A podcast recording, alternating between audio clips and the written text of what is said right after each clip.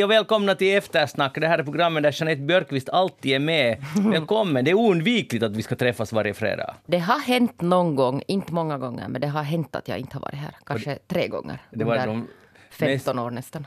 Mina mest ledsamma fredagar någonsin. Nå, nu överdriver du. Det gör jag. Hör hur sarkasmen dryper här. Ja. Men välkommen med i alla Ja, fall. tack nu så hemskt mycket. Vi har också kallat in Pia-Maria Lehtola. Vad vill du bli kallad? Du är journalist på finska Yle nu för tiden, men har du någon liksom finare titel än det? Jag är säker på att du har. Jag tycker om den här liksom juontaja på finska, Ah. alltså den här programledare. Ja. Jag tycker om det för det är så lite avslappnat. Men om jag riktigt skulle få önska, Vad skulle du vilja så vara? jag skulle egentligen vilja vara också en influencer. Alltså en som påverkar i stilfrågor och, och, och estetik och också inom journalistik. Människor. Influencer Pia-Maria Lehtola som idag är vintage-klädd kan man väl säga. Ja. Du har ett nytt halsband heter det Hör du, säkert. jag, jag berättar först alltså min, min kappa är helt dansk, modern design som, Mm. som är inspirerat från 50-talet. Och det kan man kalla för Diors new look. Och det här är väldigt inne nu. Alltså I Köpenhamn klär man ju sig jätte, liksom så här, vad ska jag säga, kreativt. Okay. Inte alls så där tråkigt som i Finland och Sverige där alla ser likadana ut. Nåja, smycke är köpt enkom för er igår i en vintagehandel nära mig, i Kronohage. Och den, den är, det är från 50-talet och det är rosa. Och det är sån här, det är ett, ett treradigt eh, pärlhalsband. Det är ett sånt statement, statement-smycke. Man kan tänka sig att det är ganska stort, men det är lite som ett konstverk som du har runt halsen. Precis som när du dukar upp ett middagsbord så kan du också sätta någon sån här bordssurtout på bordet, alltså en sån här underbar dekoration, bara för att få igång diskussionen och, och folk att slappna av. Och jag har nu många frågor på tal om diskussion. Vad är en surtout? Och det är en sån här hör du, vacker bordsuppsats som du kan ha på bordet av porslin till exempel. Jag har själv en liten vas med vita svanar, nyrenässansstil från slutet av 1800-talet. Och, och den ger ju en, en, genast en sån känsla att folk börjar titta att svanar och färgvärden, att det där kommer jag att tänka på tysk romantik. Okej. Livet är så ljuvligt via föremål. Jag, jag förstår, men jag måste fråga Jeanette, Jeanette visste du vad en surtout är? Nej, Men du brukar säkert använda det, du visste Nej. inte vad det heter? nej, nej. Ja, det där. Men jag, har inga, jag är tillräckligt gammal för att, för att erkänna mina brister. Det där är fint. Jo, Det där uppskattar jag. Jo. Klok, du är nog så klok. Och du har inte ens fyllt 50 ännu, Jeanette. Nej, det är just Så du är nog riktigt hör du, brådmogen. Pia-Maria, ännu, en, ännu en Ja, sak. Jag måste fråga, ja. du sa att det är en statement hals, äh, Ja, halsband. Vad, ja. Vilket slags statement vill du framföra? Eh, nå, med rosa till exempel. Ja. Det, det är ju liksom universums kärleksfärg. Ja, precis! Ser du, jag vet att du vill ha sån Ja, här. ja, det är därför jag säger Exakt, det. vill ha det. Och, och ser du, om man har hemskt svårt, hör du nu under pandemitiden också, Ja. att man, man liksom tycker att man är mycket hemma och så här. Och, Mm och det här att vara människa är inte alltid så lätt heller i dessa tider. När vi möter alla våra skuggsidor också, när vi är mycket för oss själva. Så då kan den ljusröda färgen hela dig själv, du tycker om dig själv mera. Och sen helar det också de som ser dig. De tycker att oj vad gulligt, här kommer rosa. Rosa är liksom alltid, det är alltid en positiv färg. Vi kommer att gå ut Mm. alltså härifrån som nya människor idag. För nu får vi titta på Pia-Maria. Jag känner nu redan av det faktiskt. Ja. Härligt! Tack Pia-Maria Ja. för att du var här. Eller för att du är här. jag heter Magnus Lundén, programmet alltså Eftersnack. Vi ska tala om veckan som gått. Vi har Max Kivivuori här som eh, tekniker, vilket eh, be- betyder att vi kommer att klara det här galant. Eller hur Jeanette? Så är det. Ja. Det där är ett nytt fenomen i Finland. Tågen kommer för tidigt fram. Har ni läst om det här? Att det, de, alltså, alla tåg, i pr- praktiken alla tåg som går mellan Tammerfors eller passerar Seinäjoki, Tammerfors-rutten så de riskerar att komma för tidigt fram eftersom det pågår banarbeten. Förstår du logiken här, Jeanette? Nej. Jag tänkte att det skulle ha haft någonting att göra med att färre människor stiger på, men det kan det ju förstås inte ha. Nej, har de inte sådana här mellanstoppar sen där? De måste ju också stanna, stanna längre där på, Nej. på perrongen. Du är, alltså det, är det är paradoxalt nog det att det är just på grund av, eh, tack vare banarbeten som det här tågen kommer för tidigt fram för att de har räknat in lite luft, extra mycket luft i tidtabellen och för att de måste hålla vissa hastighetsbegränsningar. Men nu har de inte måste hålla den på vissa partier.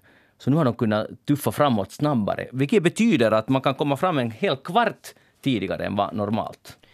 Men, En, en, förlåt, enligt tidtabellen. En kvart snabbare än det. men Mm. om man då ska hoppa på tåget i Tammerfors och åka till Helsingfors.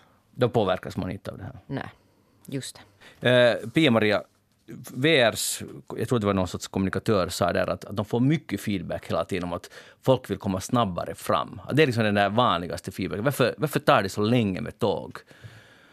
Har du någon kommentar till det här? No, I Frankrike finns ju de här jättesnabba tågen. Du kommer från Paris på ett par timmar någonstans dit till mellersta. Om de inte är försenade, ja. Ehm, Men det tyder ju på att... Alltså jag, tycker att det här är ju positivt.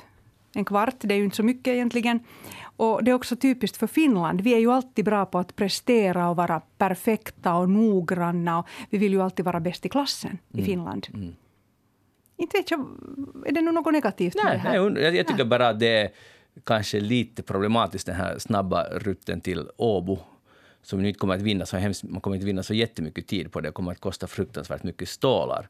Att jag är inte så säker på att det är så viktigt. Det, men, men, och sen är jag, jag är fascinerad alltid av det där, det är den där jakten på minuter, som, det, som om livet hänger nu på de där, att vi får bort tio minuter på en viss rutt eller inte. Att det är ett konstigt perspektiv som man har.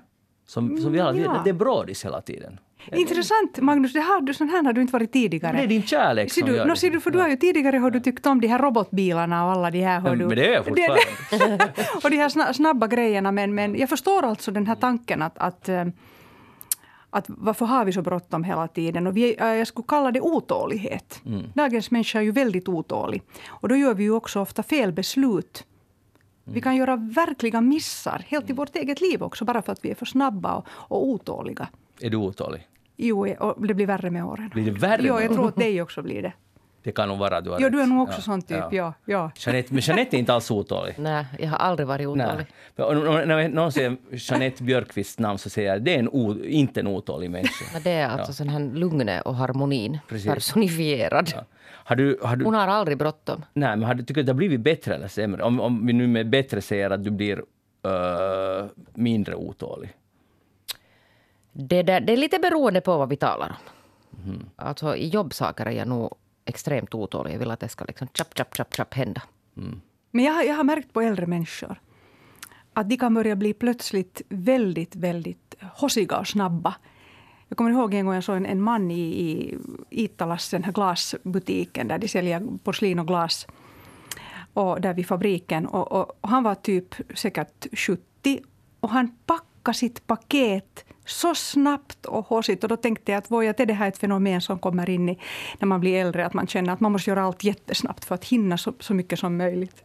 Det här var en iakttagelse bara som dök upp. Annars brukar det ju heta att äldre blir, att man blir lite långsammare. Jörn Donner klagade på det, kommer jag ihåg. Här för innan han gick bort så klagade han på att det, allt går så fruktansvärt Men det är, långsamt. det är säkert alltså den där fysiken. Men, men liksom, långsamhet är ju inte bara fysik. Och sen vill man kompensera det själv just genom att vara jättehossig och snabb. Sant, det är möjligt det är så. Oj, oj, det här människolivet. Människolivet, men människolivet är oftast långt, vilket, vilket det är en skön sak. Det där, eh, men på tal om människoliv, så nu gick eh, Institutet för hälsa och välfärd ut i onsdags, tror jag, med att det pågår ingen virusepidemi i Finland just nu. Det var rubriken i Hesari, också, i, också deras uh, utlåtande var det så. Och i dag, dagsläget nu på fredag är det 14 personer på sjukhus, en i intensivvård. Det pågår alltså ingen epidemi i Finland just nu.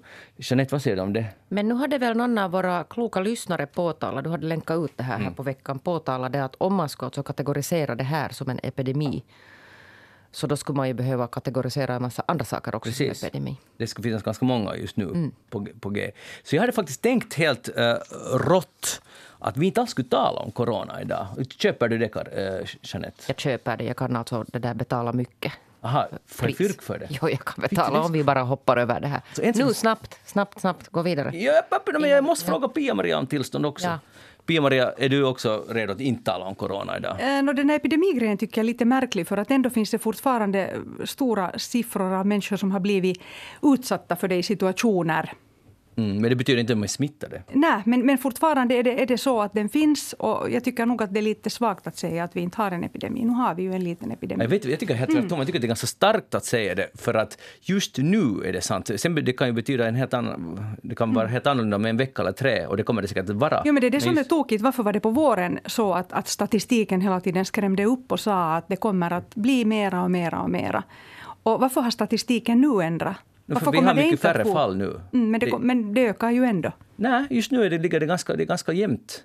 Vi får hoppas det. Men det som jag har märkt nog, vi ska ju inte tala nu om pandemin, men, men det som jag har märkt att då är det ju skönt om det är så här som du säger att det kommer att minska rejält. Det sa jag inte.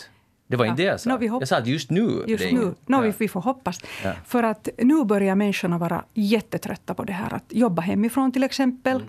Förr tyckte man ju att det är lyx att jobba hemifrån. Men nu när man är tvungen, till exempel jag själv, jag sitter hemma med min dator flera timmar varje dag. Um, En gång i veckan får jag ha en direktsändning och det är ju fest. Det är ju underbart. Men det här att, att man sitter som i ett vakuum. Din tankekraft blir helt annorlunda när du är i samma miljö som är ganska tyst och du får inga intryck och så här. Så jag har talat med mina väninnor om det här. En, en god vän som är i chefsposition. Och, och, och hon sa att det är så tungt när hon sitter med de här mötena, Teams-mötena varje, varje dag, flera i rad. Och att, att hon blir så frustrerad. Att jag tror att ganska många människor just nu är ganska arga på det här. Mm. Och det är ju mänskligt. Ja, Jag förstår Att- det. ja. Alltså det är ju nästan, eller vissa människor klarar det tydligen jättebra, de här Teams-möten, men det finns ju folk som sitter i Teams hela arbetsdagen är de i Teams-möte, eller Ja. vad de nu heter, de här apparna, men kontentan är densamma, man sitter och stirrar på en skärm och man Ja. har inte den närvaron, men ändå måste man vara närvarande. Ja, ja. Och jag tror det är oerhört slitsamt. Jag, jag skulle inte klara det. Och sen den här kontrasten just du kan inte, ditt privatliv, du är hemma, du är i samma miljö. Du kan inte sätta några gränser och de där arbetstankarna surrar på på ett helt annat sätt eftersom du är i samma miljö. Så att den där liksom, det där privata blir nog attackerat av, av ditt arbetsjag. Och det, det är inte bra. Sen blir det en sorts gränslöshet också. Att du har inte de där variationerna där du känner att nu är det fritid. Mm. Alltså jag tycker att det är skönt att jobba hemma. Jag tycker, jag tycker att det funkar riktigt bra. Men människor är så olika. Men du att du blir arg på det? Att du, du är nu frustrerad i alla fall på det här? Jo, jag tycker att... att, att jag, sa, alltså jag älskar ju människor och människokontakt. Och det är underbart sen att se levande människor. Det är ju helt fantastiskt. Som nu? Som nu, ja. Så det, det, det är så givande. Jag tror att det, det är min personlighet är också sån att jag, jag tycker om att, att umgås. Men är det, är det det som eh, oroar dig? Eller liksom, eh, jag kan förstå det kanske, att när man inte vet när det tar slut. Ja, att ja, om vi skulle veta ja. att 15 november Ja. så är allt som Ja. tidigare, vilket det ju inte kommer Ja. att vara, men, men Ja. är, det något sånt besked du skulle vilja ha? Äh, no, någonstans jag tycker ifrån? liksom det, där, det blir en känsla av klaustrofobi. Mm. Att kommer det att återupprepas det här alltså då som var på våren? För det var ju jättetungt. Jag tyckte nog, och jag är personligen en hypokondriker, så att jag är också rädd för den där sjukdomen. Jag tycker att det är en jätteobehaglig sjukdom. Och, och jag tror det handlar om personlighetstyper. Det finns såna jag har bekanta som inte bryr sig alls. Och som bara skrattar. Och, jo, en, en kvinna också sa att, att, jo, att jag beter mig precis som, som förut och, och hon är ändå närmare 70. Och hon bryr sig inte. Så att det, det är också personligheten att ta det här på olika sätt. Men jag är, jag är rädd för att om det fortsätter på samma sätt som på våren nu på hösten. Det blir jättetungt. Och hur kommer det att sig uttryck? Det blir klaustrofobiskt och, och när det är höst också så man är mycket mera inne. Och så här. Men sen tror jag att julen kommer att hjälpa och då svänger allt. Det kommer en stor förändring i december. Aj, Det är det nu? Det är är vaccin. december. Nu, nu kommer det i december. Jag har riktigt känt på mig att där svänger det. Att vi ska stå ut nu här på hösten. Sen blir det den ljuvliga eh, decemberkukuning när man kommer med sina ljuvliga ljus och dekorerar inför julen. Och, och, och då kan man njuta. Och sen tror jag att that's it. Sen, sen blir det bra. Sen blir det bra. Ja. Och lite för- förvånad för att på ett sätt så befinner vi oss nu enligt din egen eh, deklaration, heter det, deklaration att vi skulle vara i det här kär, tusenåriga kärleksriket, men har det blivit uppskjutet till december? Eh, Ja, det har blivit faktiskt. Det Ah. kommer i december. Det kommer i december. Då kommer vi in i luftelementet. Alltså då kommer vi att det alla mater- alla. materiella bojor kommer att försvinna. Alla statussymboler är inte någonting mera värda utan då är vi bara andliga och spirituella. Det är den nya livsstilen som inleds i december. Men, vad, men hur blir det med dina klädshop, ditt klädshopping sen? Men det är ju symboler. Ah, precis. Ja. Det är inte, det är inte... Just det, ja, bra. Bara så att det blev klart. Ja, ja, ja, bra. Eh, Jeanette, tror du på det här nu, att det är december så fixar på ett eller annat sätt? Äh, vi måste tro på här byn vad jag säger. Så. Och vet du vad, nu, nu, du är inte skyldig med pengar. För Nej, det, det, snack om jag, I know. Jag satt och tänkte bara att oj vad jag sparar mycket pengar nu. Vitsi, Pia-Marie, nu är du skyldig med pengar istället, för du ville tala om corona. Men det där... Fel. Aj, Jag aj. tänker bara det att, att någon gång far den här coronan över, det är ju alltså helt klart. Och sen kommer det säkert att komma några andra sådana här grejer. Grejer, det, kommer, det finns alltid grejer i mänskligheten. Grejer hör du sen när, de här, när den här klimatförändringen sen kommer att, att lösgöra en massa sådana här urantika, alltså bakterier till exempel. Där i Sibirien har de ju talat om att det är inte så bra när det smälter. Nej, de har talat om det ett par år. Och, det där, och de är ju sen sådana som jag kanske liksom är lite mera hispig över än den här coronan som jag kanske tycker fortfarande att det har varit ganska mycket. Mm. Ja. Men jag, jag, tror väldigt mycket på finsk ungdom och finsk forskning. Jag känner till olika projekt eh, som till exempel en, en helt ny finsk forskning där unga studerande på Aalto-universitetet jobbar för eh, mediciner som är totalt nedbrytbara. För att mediciner har ju varit en sak också som förstör jordklotet. För att det går ju i vattendragen och jorden. Och samtidigt på Designmuseet finns nu en fantastisk utställning som, som har, nu, det börjar nu på veckoslutet. Där man också mm, eh, funderar på hur till exempel keramik och alla olika sådana formgivningsprodukters avfall också ska totalt sammansmälta med, med jorden. Men tänk att det har tagit så här lång tid för oss att förstå de här sakerna som jag tror att ett barn också förstår. Mm. Att det är ett system börjar, att man kommer in i ett, det tar så lång tid, de här hierarkierna. Jag hoppas att det kommer att bli snabbare beslutsprocesser i framtiden. Men finsk design, nu har vi ju Helsinki Design Week också på gång. Där finns också helt fantastiska unga designers som eh, är inspirerade av påfågelns fjädrar, den här glansen som finns i fjärilen. Ni vet det här när någonting glittrar och glimmar. Så tro på de här unga design, designers och forskare. Alltså där är, där är... Men nu ska vi tro på de mm. äldre också. Vi ska inte nu det där säga att, att de är det där passé. Ingen åldersdiskriminering. Nej, absolut inte. Det är sant. Hej, eh, Pia-Maria, jag tänkte på det. Jag läser mycket om USA, liksom säkert många andra. Och nu, allmänna intrycket är att USA närmar sig kokpunkten. Det kommer liksom att explodera där på ett eller annat sätt under hösten det som ingen har tänkt på är att fråga dig om råd. Att, att vad skulle du nu hälsa våra amerikanska vänner? Att, vad, vad borde de nu fundera på den här hösten? För det ser ganska illa ut. Alltså jag blir bara nästan arg också när du frågar det där. Varför blir du arg? för, för det, det, det, är en så råddig bakgård, hör du, hela det där landet. Ja. Alltså det är riktigt fruktansvärt. Jag vill inte ens tänka på det, vet Men du hamnar nu för jag frågar dig. Aj, det var illa, hör ja. du. No, no, jag vet inte vad jag ska säga. Inte har jag något råd. Alltså jag tycker ju att det är så dumdristigt, hela det där systemet, på många olika sätt.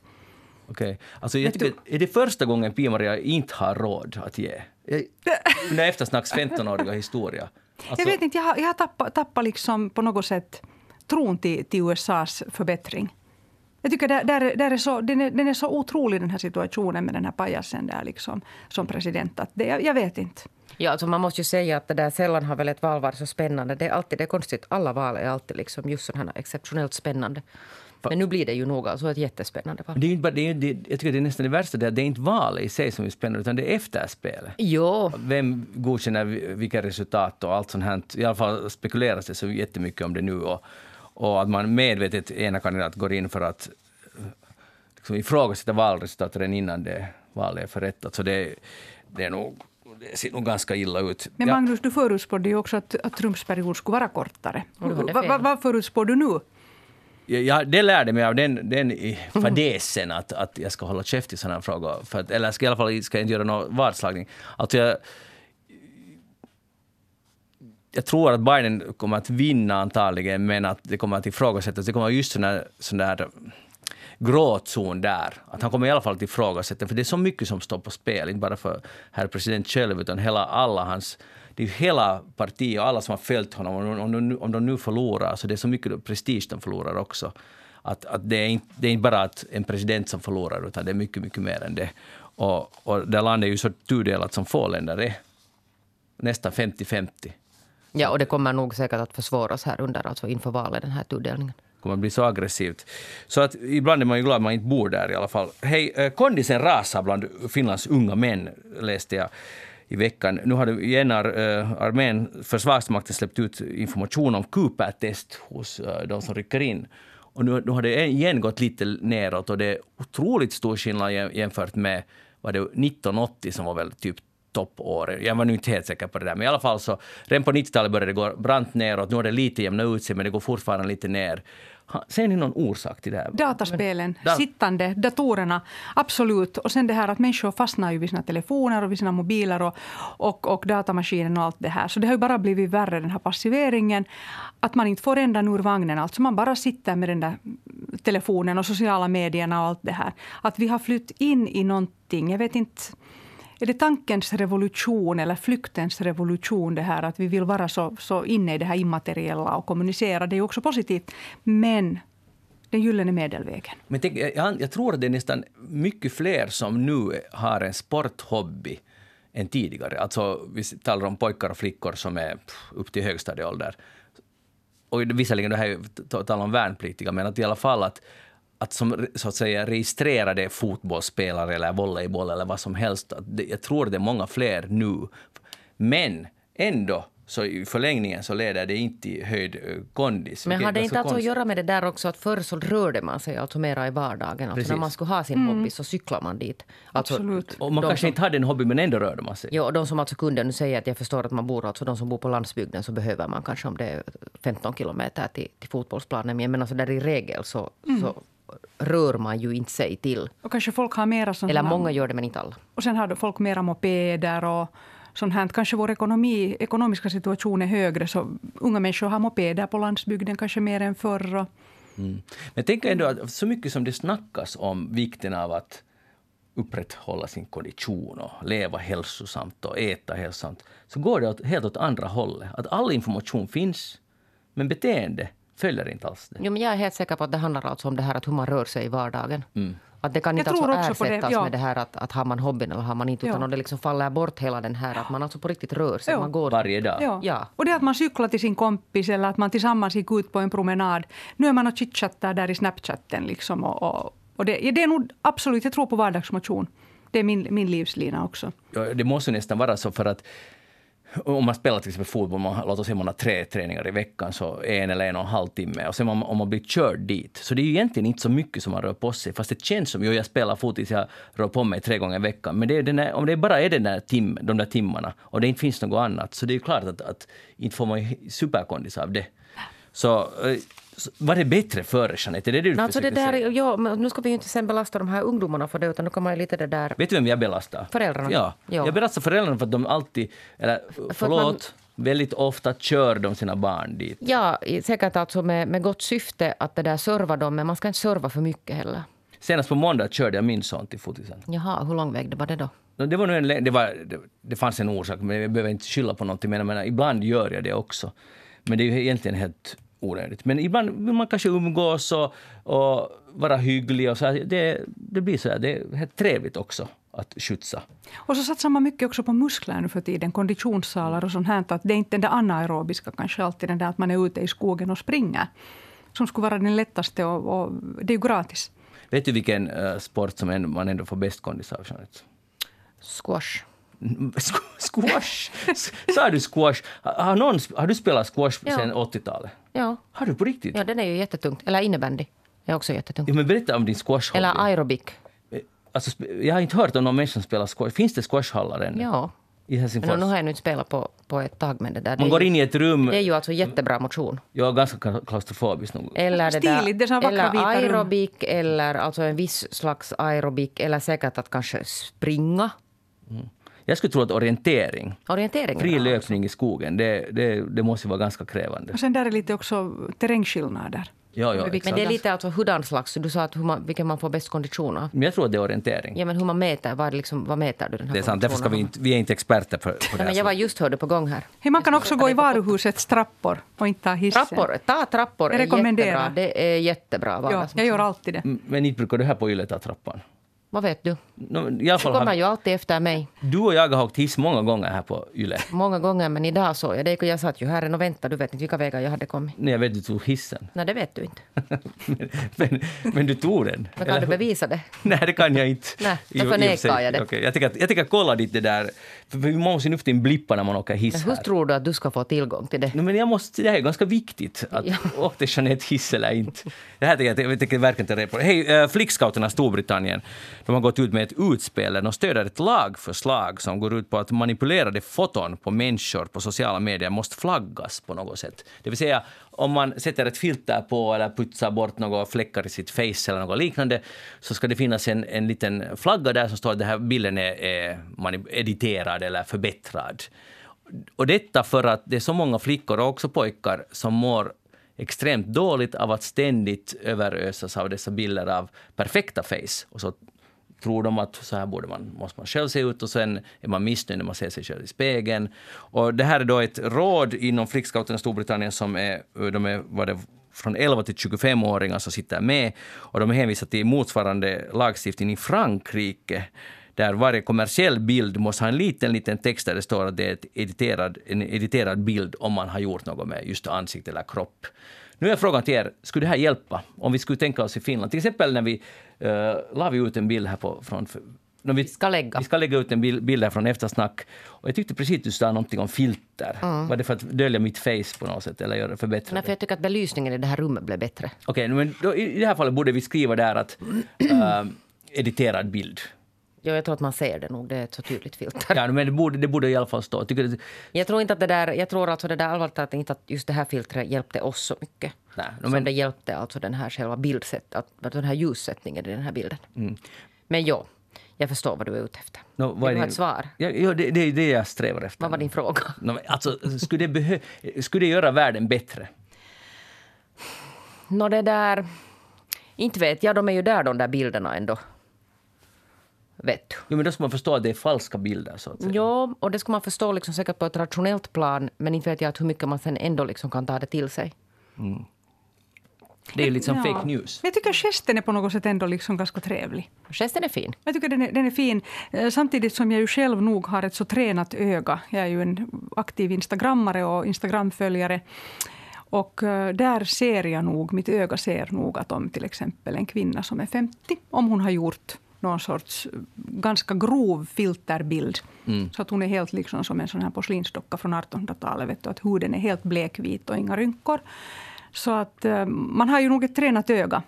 Men som gest tycker jag, också blir jag ju glad att Frankrike som ju är ett sånt här estetikens land och ett land där man alltid har haft väldigt stort skönhetsideal och, och till exempel i fotomodellernas de här eh, smala fotomodellernas land där man också faktiskt i ett skede förbjöd de här smala fotomodellerna så jag tycker lite om det här nog. Jag tycker här är, här är en, en, en skön känsla och att man bryr sig. Men det finns ju alltså också, det finns ju en sån här trend att sådana kändisar alltså visar eh, att hur bilden såg ut på riktigt och hur, hur det såg ut. Alltså för att på något sätt liksom medvetandegöra också unga, ja. unga flickor om det här. Eller som det har varit alltså i Finland, så att man tar en, en bild och visar hur belysningen kan påverka mm. till exempel hur dina bara ben ser ut. Mm. Mm. Och sen visar de att hur det på riktigt såg ut.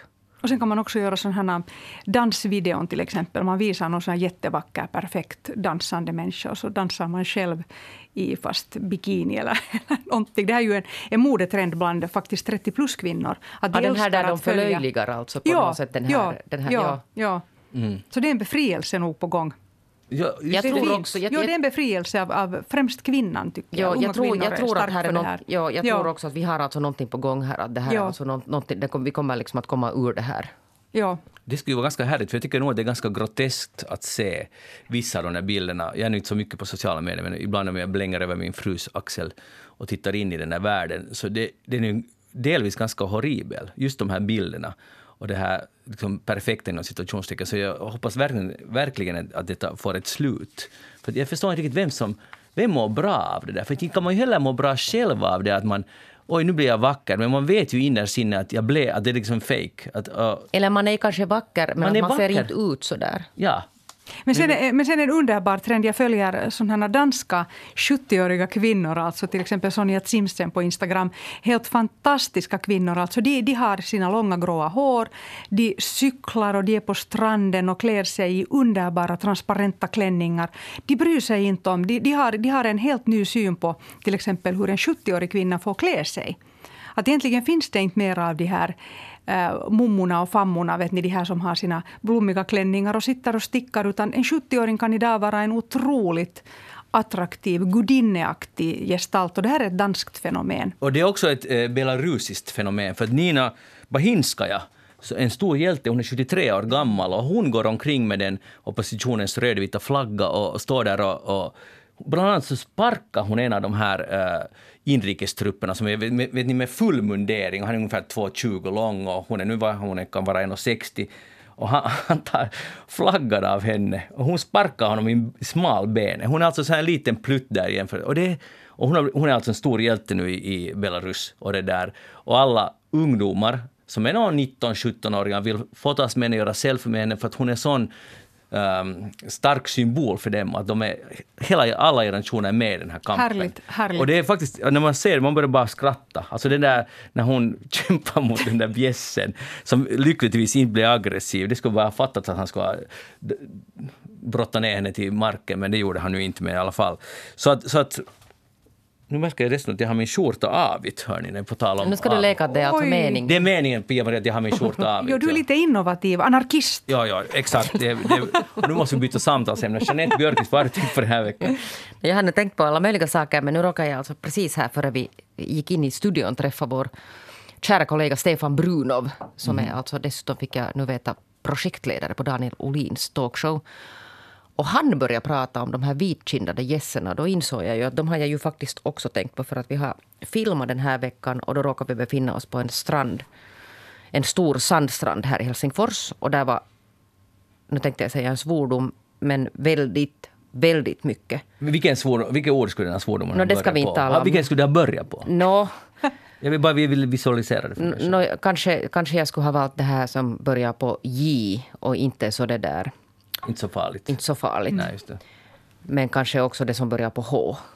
Men det ska vi inte säga nu. Nej, men fortsätt. Nej. Nåja, men där var i alla fall en massa det där vitkindade gäss och de har ju nu varit här en, ett sånt här gissel under många år.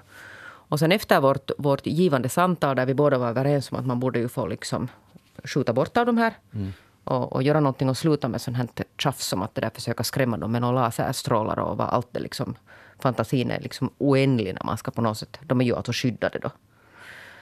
Uh, så, fick jag, så läste jag in mig alltså på tre minuter, så nu är jag alltså expert på det här och har lärt mig att det finns alltså, det är på kommande ett lagförslag om att man faktiskt ska få det där skjuta bort dem. Men sen började jag tänka på, på när vi klagar alltså här i Helsingforsregionen, säkert alltså skulle jag tänka mig andra orter också i Finland som har drabbats av de här, att det är nog ändå säkert smått jämfört med alltså de som har de här åkrarna där de mellanlandar. För, för jag påminner mig om att jag såg alltså någon gång i, i våras ett, ett nyhetsinslag där det, kom, det anlände alltså ungefär 100 000 sådana vitkindade gäss och så landar de alltså på någon åker och de förstör ju alltså. De bajsar ju alltså ungefär varannan minut har jag läst någonstans. Kommer det alltså någonting ur dem. Vilket förklarar varför det finns alltså så oändligt mycket bajs. Och kostar alltså samhället ungefär 3 miljoner euro På vilket år. sätt kostar det samhället? för att man måste betala ut skadestånd åt de här bönderna som vars åkrar blir förstörda. Ah, okej. Och sen så är det som att det hade kommit några rekordår, alltså när de höll på att flytta sig då från Ryssland via Finland. Att de hade haft 300 000 på en åker i Elime. Och då kan man ju tänka att de här våra parkgäss som kanske bara är några tusen, så de är ju inte så... Först efter 300. öppnar Putin gränserna för flyktingarna alltså och nu för- öppnar han för de här gässen. Jo, men pikturera det här i era huvuden. 300 000. Fattar ni hur mycket det är? Och de är dessutom ganska stora. De är jättestora. Det är en för varje finlandssvensk. Ja.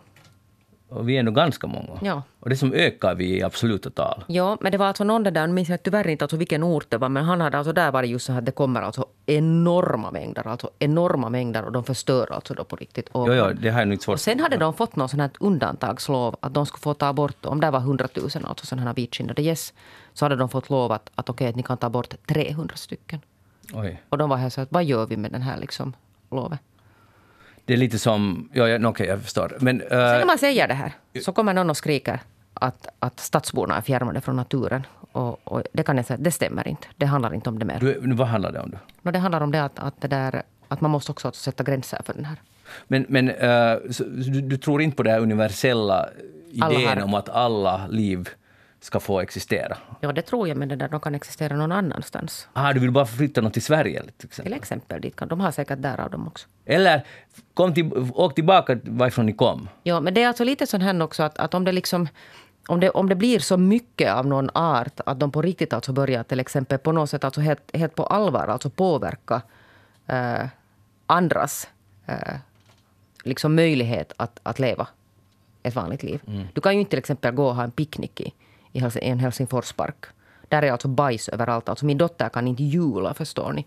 I en park. Vi har någon gång alltså försökt här under sommaren hitta alltså ett ställe i Sibeliusparken där det inte finns alltså Nej, men det går ju inte. på varannan, liksom, ungefär så där var tredje Jo, men centimeter. är det inte lite roligt att nu reagerar uh, Töleborna?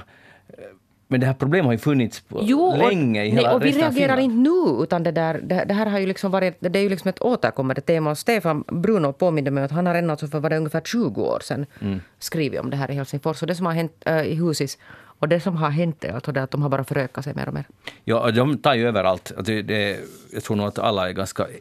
Alla är ju inte ensamma. Alla är inte alls eniga om det här. Pia-Marie, vad, vad, vad står du nu i den här frågan? No, jag kommer ihåg att min dotter vad heter det, skrev åt mig ett sms här för tre veckor sedan att mamma, att jag går här i Hagnäs och jag är livrädd att, att här är jätteaggressiva vitkindade gäss. Hade de att, unga? Att, att, jag vet faktiskt Nej, de inte. det har inte, alltså, de borde inte ha unga mer. men Ja.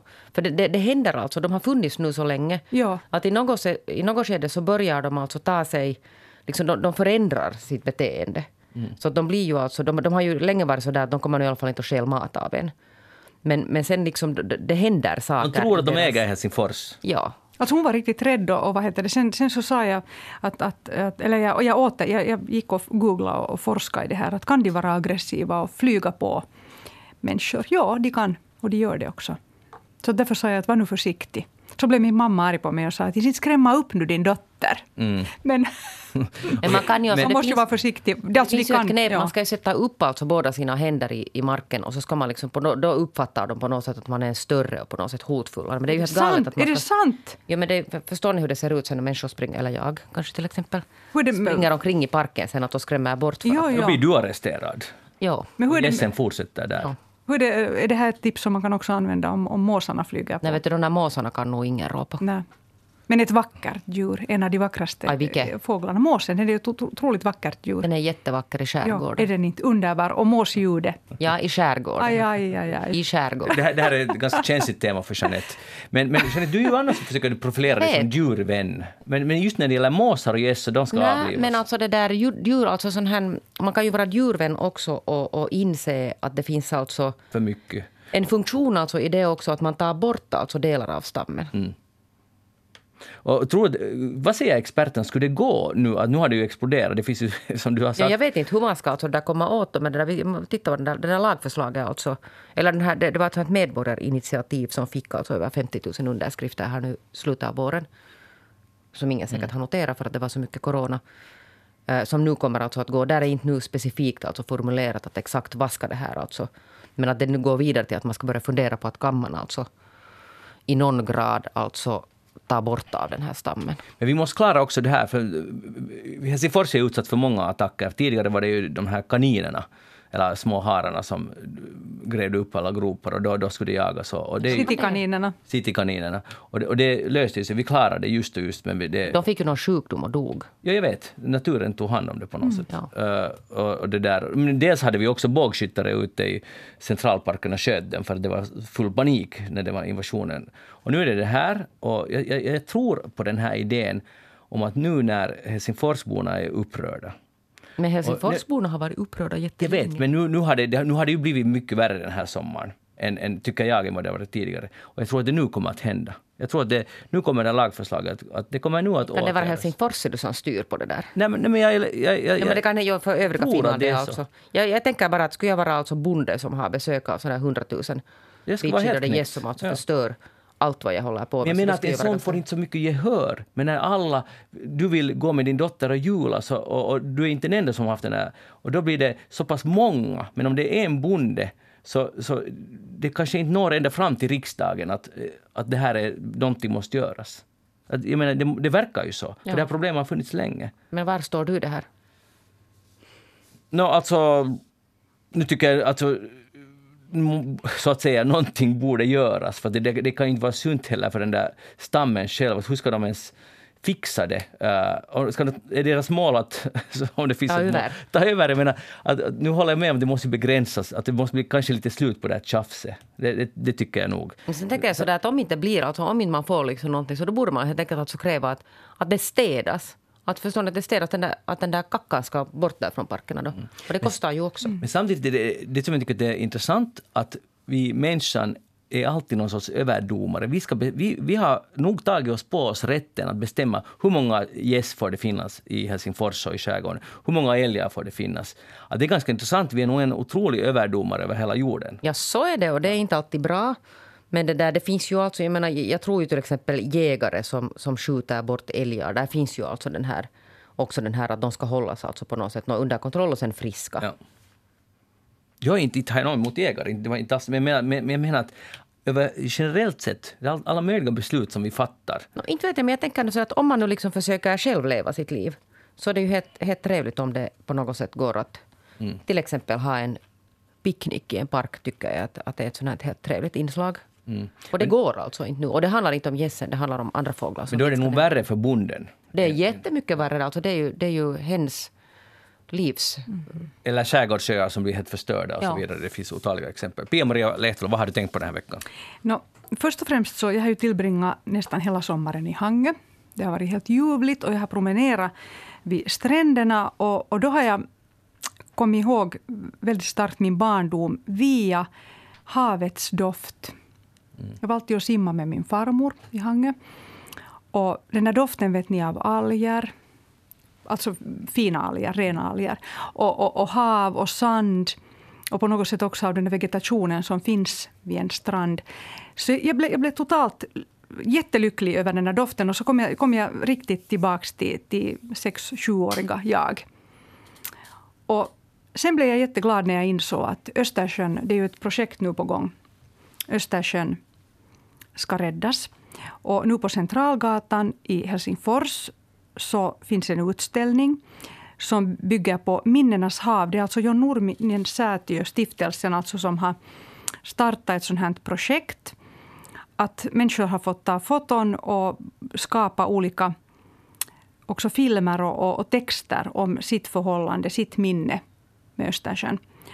Och sen, det som är fint med, med det här projektet, då, Minnenas hav, så Målet är att belysa just människornas minnen och uppfattningar om havet från olika vinklar och att få oss finländare att tänka på sin relation med Östersjön och sköta om och rädda Östersjön. Och det finns en brygga från Hangö faktiskt, där i Centralgatans museiutrymme. Man kan gå och lägga sig på den där bryggan och, och fundera på hur det känns att, att ligga på brygga. Alla har säkert minnen av bryggor från barndomen. Absolut. Att bryggan är ju en symbol också för det här att man kommer ut, man antingen Inte med båten bara från barndomen, eller... jag har nog från vuxenlivet. Ja, okej. Okay. Nu, brygga är ju bland det viktigaste som finns. Hur på sätt? Berätta. Intressant. Nej, men alltså bryggan är ju, där, där ligger man och, och firar sommar. Alltså, och, man har en egen brygga. Och det stör mig jättemycket. Vi i Pargas har vi inte ännu en brygga, för det är på relativt utsatt läge, så det skulle bli ett svindyrt. Men, men annars uh, i på, i vår andra stuga med mina föräldrars ställe i Kuopio, så där, där, där ligger vi alltid på bryggan. Alltid. Och har alltid gjort det. Och det är ganska, man behöver inte så mycket mer än en brygga i livet egentligen. Härligt. Ja. Men sen när du nämnde ordet Hangö och just att man ska skicka in bilder, så jag har faktiskt en bild nu på lager, för jag var i Hangö också för några veckor, två veckor sedan. Nej, mindre till och med. En och en halv vecka sedan. Och det var en fantastiskt fin solig dag och då sa jag till min fru nu måste vi gå och simma fast vi inte riktigt hade tid. Så gick vi då och simma och sen bad jag henne att hon skulle ta, jag är ganska atletisk som ni vet, att, kan, ni ta, kan du ta en bild av mig i simbyxor här ja. vid Hangö? Och jag må, ville, bara ville ha den här bilden. För ja. Hangö är så, så ikoniskt ställe. Att vara och simma där vid kasinostranden, så det levde jag på länge och jag lever fortfarande. Du ska skicka det dit nu till minnenas Jag vet inte riktigt om jag tänker skicka. Du skicka det till göra det. Facebook-sida, det är det, det du ska göra. Ja. Ja, det, Men sen måste jag ännu berätta att jag, jag har en god vän och, och hennes man som, som alltid plockar skräp på stränderna. De bor i Tvärminne och så besöker de Hangö ofta och sen paddlar de också där på olika öar och holmar och plockar skräp och, mm. och, och, och renar Östersjön på det här sättet. Så jag, jag uppskattar det här att, att vi ska ta hand om vår närmiljö. Men vad tänker du göra nu för att ta hand om Östersjön?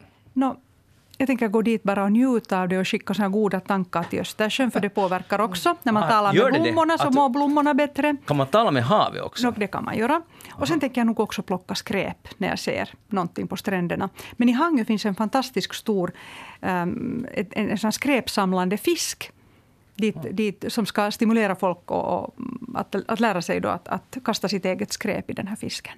Men Pionen, att det är fint att du skickar tankar till, ut i havet, men jag är inte helt säker att det var det som John Nordgren stiftelsen hade i åtanke när de har startat en kampanj. Eller tror du att, att det var det? Um, det här är ju också nog, det handlar ju om känslor väldigt mycket. Ja. Och, och, du ska ha goda känslor och goda tankar. Och, och, just det att till exempel jag värnar om min barndom på 70-talet. Mm. Och jag önskar att Östersjön räddas för att andra barn i framtiden ska kunna njuta. Visst, det är en tankeprocess. Sen blir det handling. Som att jag plockar skräp nu. Nåja, bra. Mm. Jeanette, känner du för Östersjön? Jag känner nu jätte, jätte, jättemycket för Östersjön. Ja. Och jag är otroligt upprörd över att vi har alltså låtit det gå till, till det vad det är idag. Att det är så dåligt skick.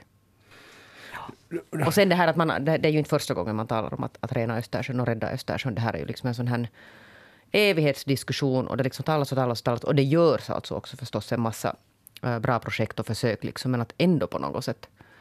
Nu kommer jag inte ihåg, alltså de förbjöd ju, eller det kom någon sån här, till exempel sådana här utländska sådana passagerarfartyg, vet ni, de här lyxfartygen som nu inte just får åka.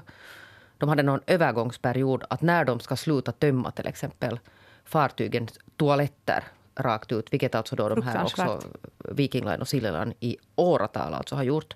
Och nu vet jag att hade nu trätt i kraft det här. Men genom, ta, er, alltså, ta till er tanken på vad vi har hållit på. Att man släpper ut alltså passagerarfartygs hela liksom toatank i havet. Vansinnigt. Och det Så det är ju helt alltså galet. Och det, ja, men det finns massa andra saker. Ja, men det, där, ja, men det där är ju det är en symbolisk sak. Hur kunde det ens tillåtas så länge? Ja, men alltså jag undrar nu att är det så att de inte mera... För det, det gav sen alltså någon, någon övergångsperiod för de här utländsk registrerade.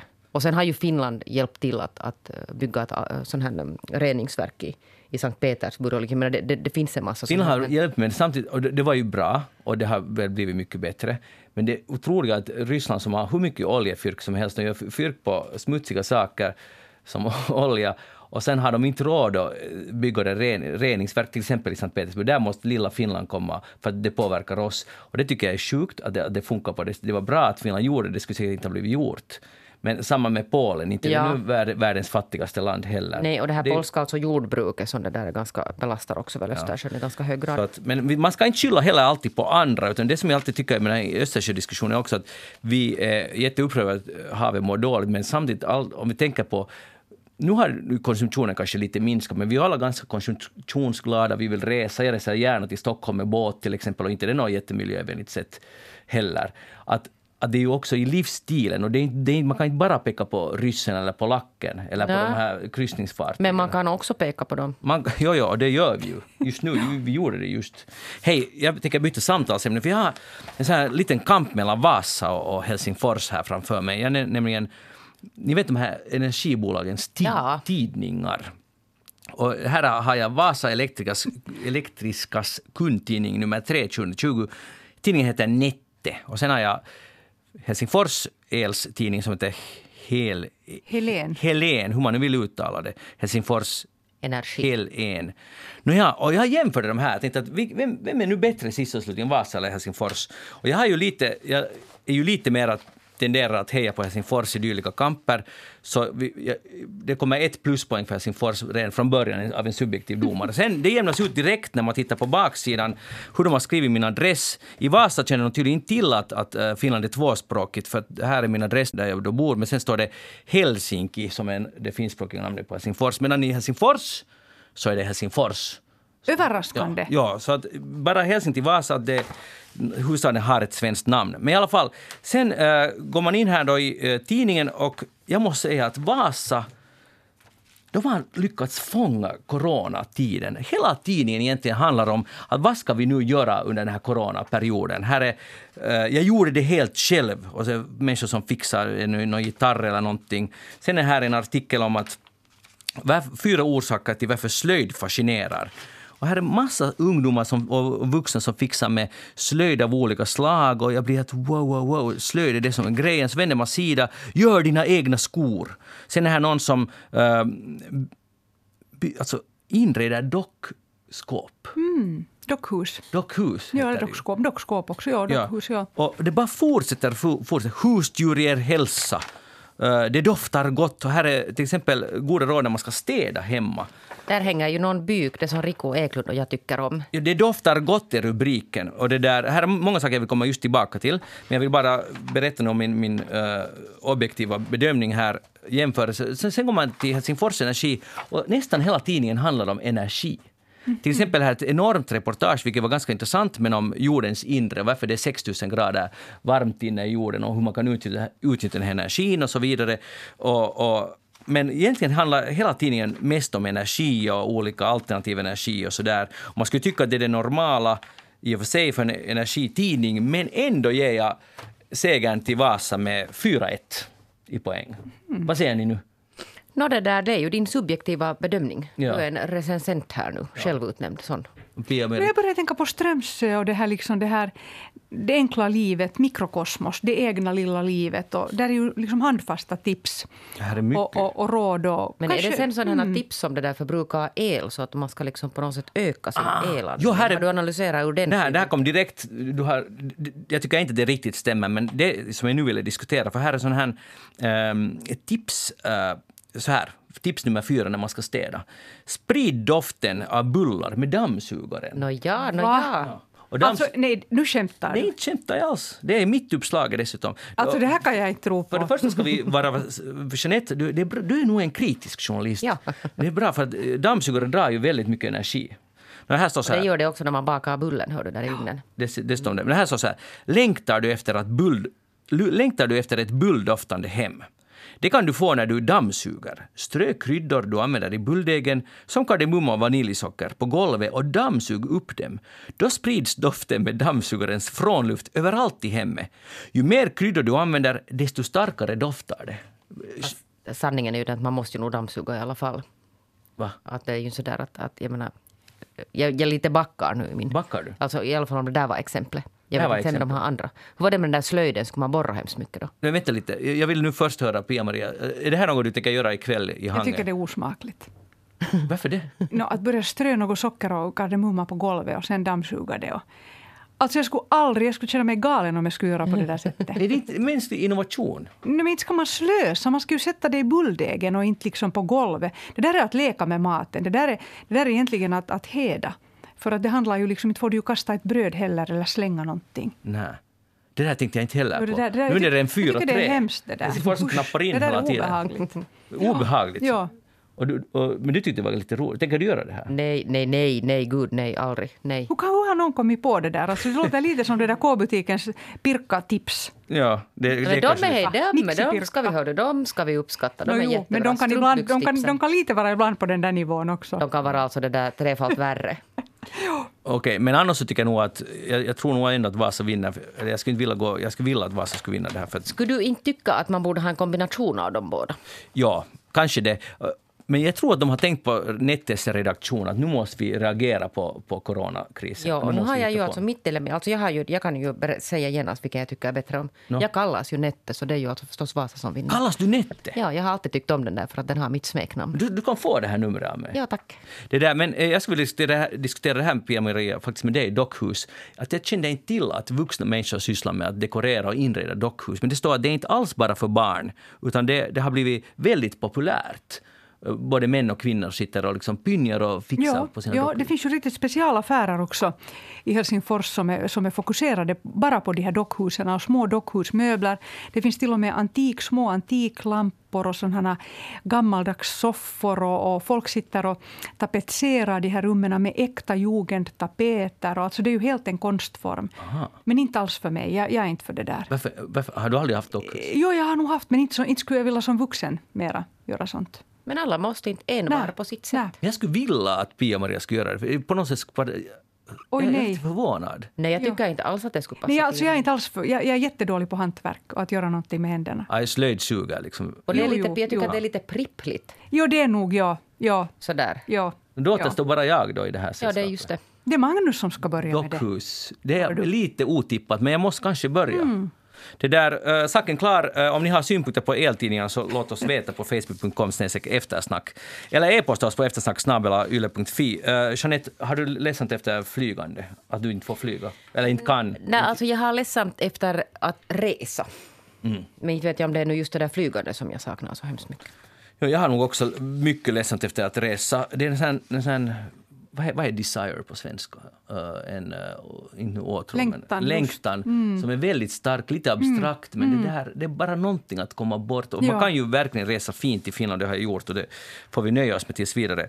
Men nu, uh, jag läste en artikel om att man, de som längtar väldigt mycket efter, att flyga, och speciellt efter flygmat, så, jag tror vi nämnde det tidigare i eftersnack i våras, men nu kan man köpa flygmat eh, i Australien. Så det största bolaget där som heter Gate Gourmets Sydney. Nåja. De gör 30 000, eller normalt sett gör de 30 000 måltider varje dag. Och nu kan man köpa dem för 2 euro styck. Eller 2 pund vad det nu var. Men i alla fall uh, uh, 2 australiensiska dollar kanske. Hur som helst, man kan gå dit och så får man, det, man får en frusen matportion och så kan man äta det hemma och liksom duka upp och känna att man är nästan på Oj, resa. hörde jag säga stackars människa. Alltså det här är igen, ska vi nu alltid, kan vi inte vara utan någonsin? En flygma, flygmaten hör bara till flyget dit upp. Man packar det, det är säkert oekologiska de där förpackningarna. Mm. Och maten är säkert väldigt... mm, Den är mycket har brist, saltad, brist på, jag på näringsämnen. Och, ja. och inte den ju god heller. Alltså, I den här recensionen, det var i Guardian tror jag, så fick den riktigt god. Speciellt vegematen. I däremot- Guardian? Ja, men kötträtterna var ganska horribla sa de. Att när man äter det liksom nere på marken så kändes det inte Jag riktigt. tycker det här är oekologiskt för att är säkert packade och sen tycker jag också att nu- ska människan lite bli vuxen. Varför, varför ska vi vara så barnsliga? Att vi ska ha allt så som det har varit förut. Och inte, det hör ju inte, det, det ska ju vara bara i flyget. Och sen vet jag inte den här med Guardian, alltså Storbritannien, att är de nu liksom världskända för att de skulle ha så där jättebra det där kök. Nej, det är de ju faktiskt inte. Så det kan förklara det här. Ja. Just det. Ja, just det. Okej, så, så, men du tilltalas inte av det här? Du skulle inte Nej, kunna få, nej, tänka dig alltså- att fara till Helsingfors vandrarflyg för att Nej, plocka upp... nej, aldrig i livet. Men det är alltså förmånligt. Jo, jag förstår att det säkert är det, men det, där, det finns andra saker som man kan göra hemma som är ännu förmånligare. Men Mm. det där, den här flygmaten, jag kan jag, ja, no, ja. Jag har hotellfrukostar, är min liksom passion. Jag förstår att det finns människor som kanske tycker att flygmaten är god. Jag hör inte till dem. Nej. Jag tror att jag aldrig i hela mitt liv har fått någonting alltså som är gott. På flyg. Champagne är gott i flyg. Jo, men det är mer den där att man äter det nu för att liksom ha någonting att göra och Mm. tiden går bättre. Cha- är Champagne gott i flyg? Jo. Brukar du alltid ta det då när du Men jag har inte flugit faktiskt på länge för att jag har åkt till Frankrike med bil. Ah, jag förstår. Så, ja. Hej. Uh, mindre flygmat, mera champagne. Jeanette Björkqvist, tack för att du var här i eftersnack. Tack, det, var, det var ljuvligt som vanligt. Ha en riktigt skön helg. Jag ska vidare. jobba. Ja, naturligtvis. Och Pia-Maria Lehtola, tack, tack för att du var här med idag. Jag heter Magnus Lundén och programmet alltså Eftersnack. Gå in på facebook.com eftersnack eller e-posta oss, på eftersnack Vi hörs igen om en vecka. Hej då.